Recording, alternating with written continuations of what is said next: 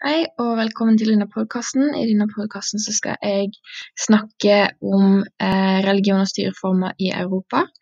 Eh, jeg skal sammenligne styreformene enevelde og konstitusjonelt kongedømme, og bruke to eksempler på statsmakter som hadde disse styreformene, og diskutere hvorfor statsutviklinga var forskjellig. Så heng med. Ja, og før jeg da forteller om eh, de to eneveldene, så tenkte jeg å snakke litt om hvorfor statsutviklinga var forskjellig på denne tida, for det er jo der det originerer fra. Eh, fordi at alle statene som var med i 30-årskrigen, de var prega av store militære utgifter og på en måte eh, avhengig av en del ressurser i ettertid. Og derfor, så i Europa på 1600-tallet, så gikk utviklinga mot retning av en sterkere statsmakt enn det var før. Eh, for før sto ikke det så veldig i sentrum som det gjør nå, da.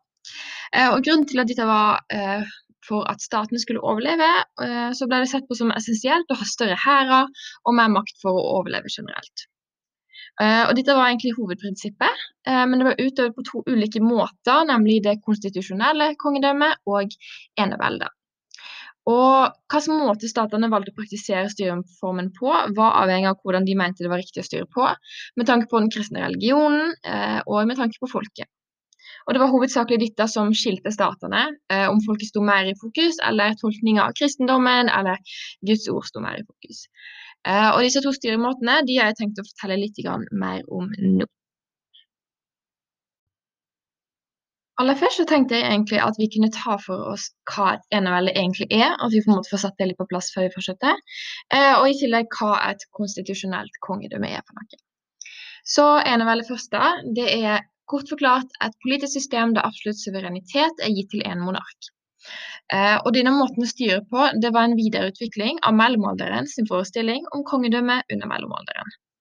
Eh, ønsket om å samle all lov og orden gjorde at det å samle all makt fikk en sterkere gjennomslagskraft. Og Den største begrunnelsen bak eneveldet var at de påsto at de hadde fått makten direkte fra Gud. Eh, og Derfor kunne ingen holde kongen ansvarlig for hvordan han valgte å tolke Guds lover på. Så kongen hadde med andre ord en slags guddommelig rett til å styre folket, eh, og lite kunne bli gjort for å si imot fra folkets side.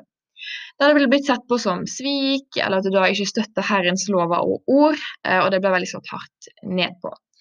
Eh, men generelt så var det de som jobba rundt kongen, faktisk, som gjorde mesteparten av all jobben. Eh, mens kongen sa på en måte hvordan han ville at ting skulle bli gjort på.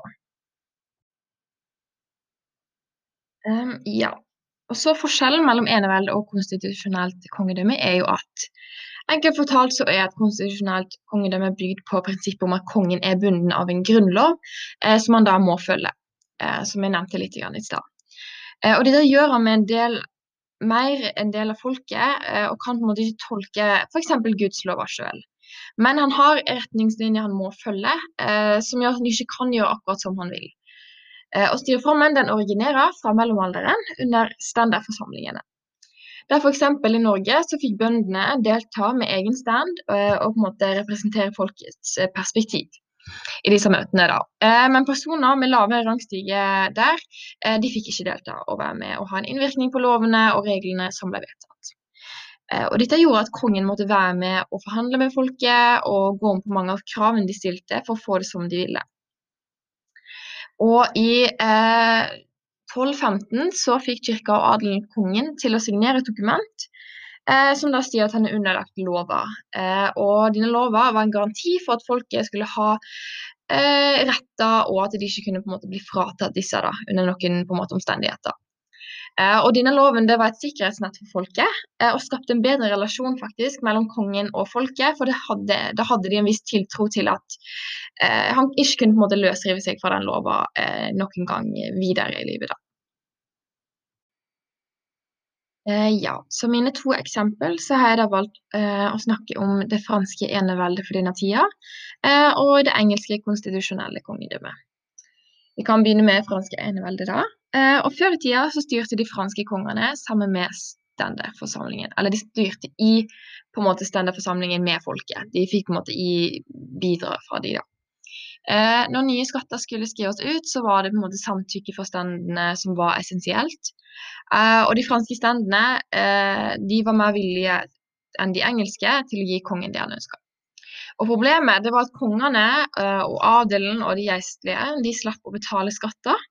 Eh, og da falt all skatten på borgerne og resten av folket, altså tredjestanden. Og dette ble sett på som veldig urettferdig. For det var jo som oftest de som tjente minst i tillegg. Eh, og På 1600-tallet så var ikke kongene lenger nødt til å kalle inn til ständerforsamlingene, eh, og slutta da sakte, men sikkert med det. Eh, og kongen holdt seg heller til provinsstedene, eller standene, eh, som var lettere å styre eller altså kontrollere. Og Eneveldet derfra eh, de satte større og større grep om Frankrike, og ble til slutt et rent enevelde der folk ikke kunne på en måte gjøre noe med hvordan kongen valgte å styre Frankrike. Eh, så vil jeg bare ta opp at Ludvig 14. han var egentlig et veldig godt eksempel på en eneveldig konge som regjerte i Frankrike. Eh, spesielt eh, på denne tida. Han styrte på en måte etter mottoet som Eller han pleide å si sånn 'Staten, det er jeg'. Eh, det han sa, det på en måte gjaldt, det, det han gjorde. Og han styrte fra 1638 til 1715, altså under storhetstida til Frankrike, der de var en militær stormakt. Eh, som da førte til at Frankrike deltok i en rekke kriger og blanda seg en del der.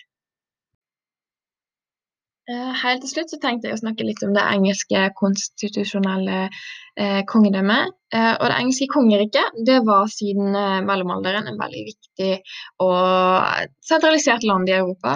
Eh, og de hadde korte avstander til flere land og var på en måte sentral eh, i både import og eksport. og familien Tudor, altså Tudor-monark som du sikkert har hørt om, de satt og regjerte tronen og dominerte da parlamentet. Um, ja, og i 1540 så kutta Henrik 8., som var da en del av Tudor-monarkene, all tilknytning til den engelske kirka, uh, som da hadde til paven. Um, og i 1603 så døde Tudorene ut, og de fjerne slektningene til familien da over som ny i. For da sto de på en måte uten en kongefamilie, og det måtte de finne noen nye. Og siden de var av kongelig blod, så hadde dette gått veldig greit. Eh, og dette var både engelsk og en skottisk slekt. Eh, og derfor ble de knytt, mer knytta sammen med England. Eh, og de var i en personalunion fordi de ble holdt sammen av en felles monark. Og det var mange konflikter etter dette mellom kongemakta og parlamentet generelt. Men hovedsakelig så gjaldt det på en måte maktfordelinga den engelske staten hadde. da. Eh, og kongene de hadde ikke nok makt til å bygge opp en hær eller en maktstat for å bli uavhengig av parlamentet, som egentlig var planen, faktisk. Eh, som gjorde de mer avhengig av parlamentet for å kunne være en fungerende stat. Ja, og Det var jo en del konflikt mellom kongene og parlamentet i denne tidsperioden, eh, fordi kongene ville øke makten sin og gjøre de selv mer uavhengige.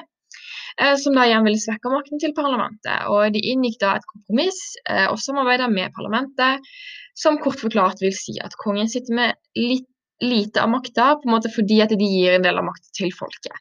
Eh, som vi da ser veldig greit igjen, fordi at vi er, eller England er et konstitusjonelt kongedømme, eller monarki, nå i dag òg.